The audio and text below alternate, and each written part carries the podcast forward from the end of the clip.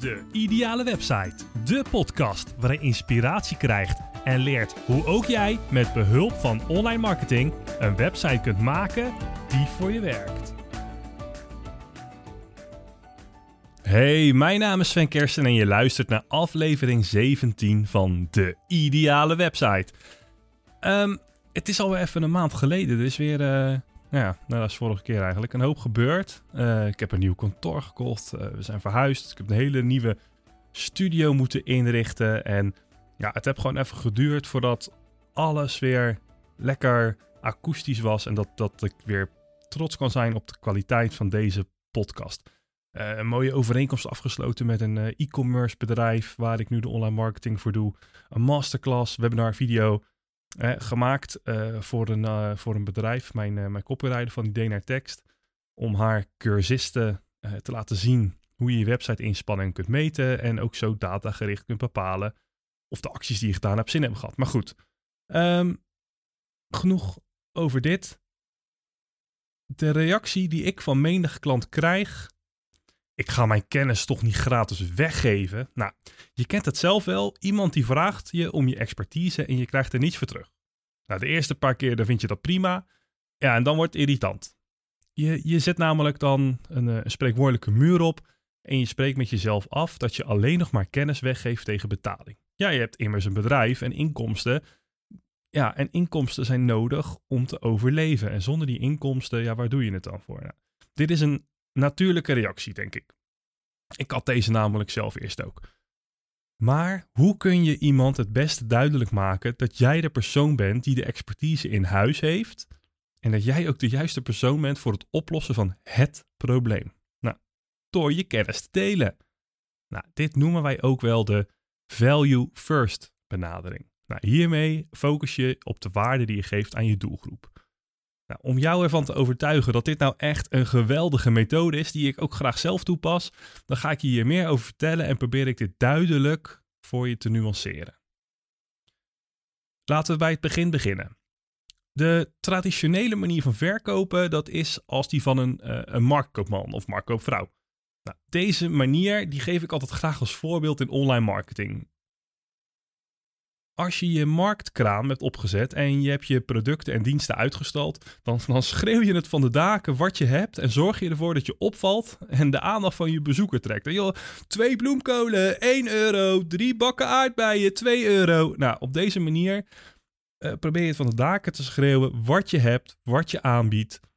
En probeer je op die manier die, die, die klanten over de streep te trekken eh, om je spullen te verkopen. Want wat jij aanbiedt, is niet alleen het beste op de markt, maar het is ook de enige oplossing voor het probleem van je bezoeker van je klant. De keerzijde van deze benadering is dat als het gaat om een website, de overgrote meerderheid van je bezoekers helemaal niet klaar zijn om een aankoop te doen. Ze zijn nog aan het shoppen. Je loopt een uh, winkel in en iemand komt naar je toe lopen en die zegt: Kan ik je eerst mee helpen? Nou, wij als Nederlanders zijn meestal geneigd om te zeggen: Nee, ik ben alleen even aan het kijken. Nou, en dat is ook precies wat de mensen doen op jouw website. Zelfs soms is het maar 2% van je bezoekers die uiteindelijk overgaan tot aankoop.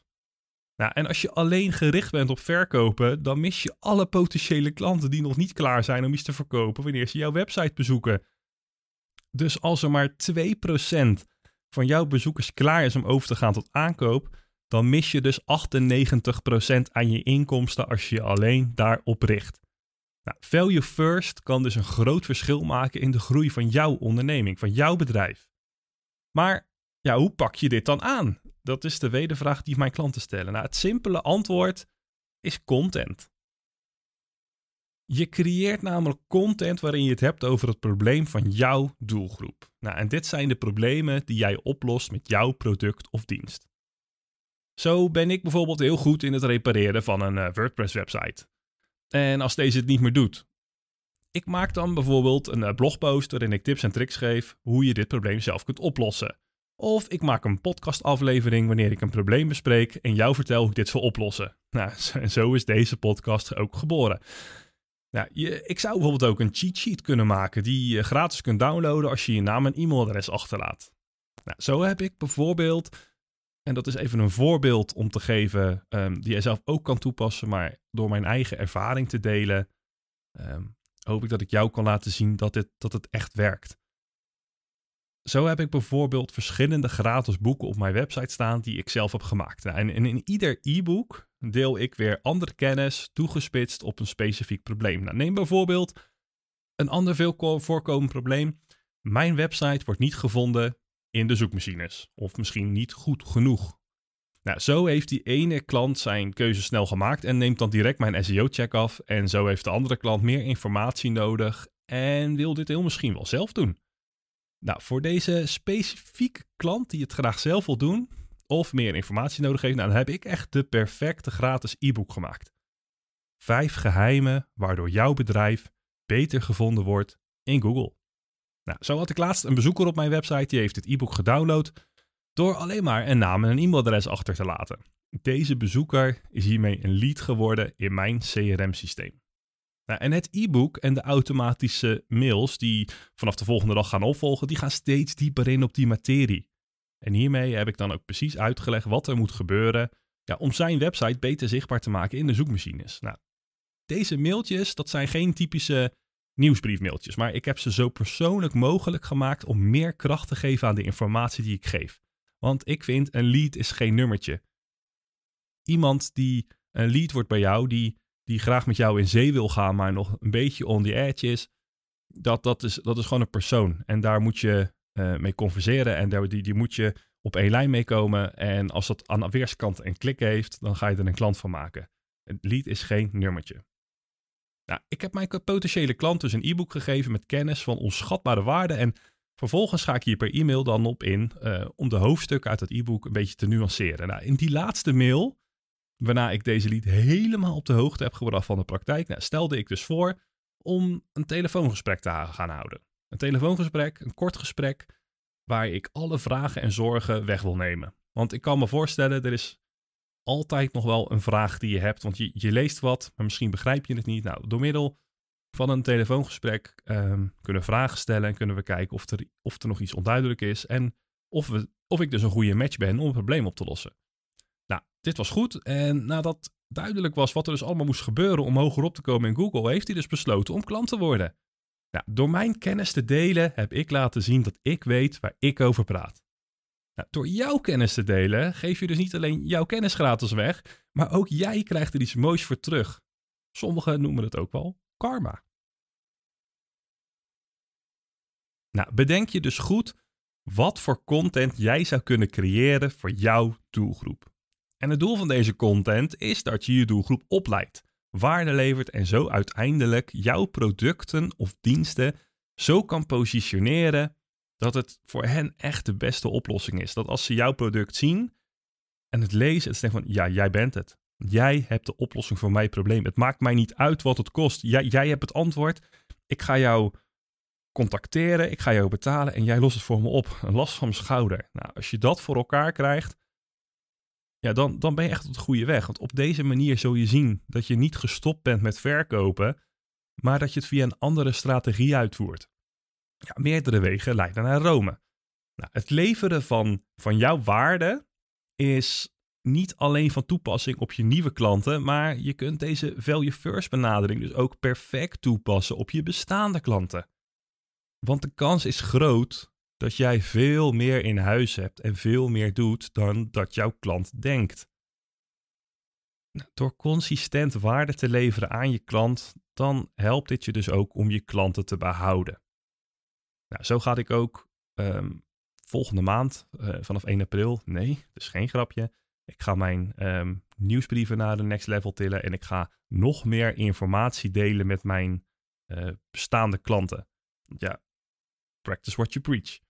Nou, naast de zojuist genoemde methodes, uh, met betrekking tot het delen van jouw kennis, kun je ook waardevolle nieuwsbrieven sturen. Heb ik nou een bruggetje gemaakt? Volgens mij wel berichtjes die kan je bijvoorbeeld ook plaatsen op uh, social media. Of misschien ben jij wel een kei voor de camera en deel je graag jouw verhaal op uh, IGTV van Instagram. Of open je een kanaal op Clubhouse of zit je nog lekker ouderwets op uh, YouTube je verhaal te doen. Kan.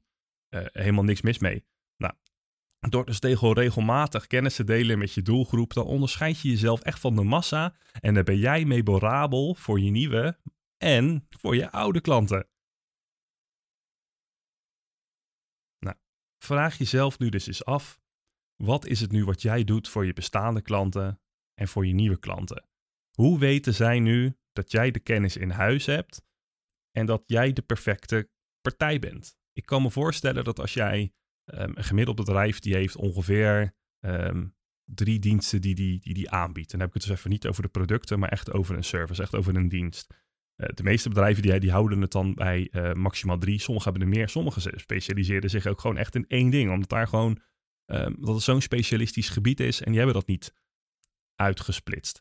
Wat doe jij nu, um, als je dus meerdere, meerdere diensten hebt, om aan jouw klanten te vertellen dat je dat dus ook doet. Hoe, hoe weten ze dat? Je kan namelijk niet verwachten dat als jij iets verkoopt aan een klant en je klant is geholpen en voor hem is het afgerond, dat hij daarna nog eens denkt, oh laat ik eens even kijken naar zijn website om even te kijken, heeft hij misschien wel iets anders waar ik, uh, ik heb geld over, dus laat ik even kijken of hij misschien nog iets anders kan doen waar hij mij kan helpen.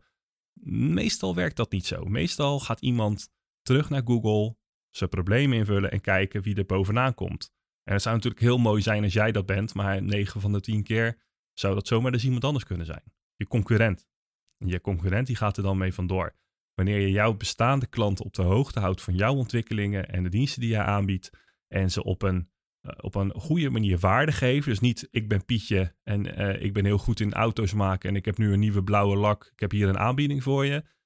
Nee, vertel dan, joh, heb jij last van uh, een, een vervelende kras op je, op je auto en krijg je die niet weg, dan heb ik hier en uh, hebben we een speciale lak gevonden. En als je dan dit en dat doet, dan zo, zo, zo, zo. En hoef je niet per se de mail te eindigen. Je kan hem bij mij kopen met korting, maar je geeft gewoon de informatie weg waarin je beschrijft dat jij een oplossing hebt gevonden voor een bepaald probleem.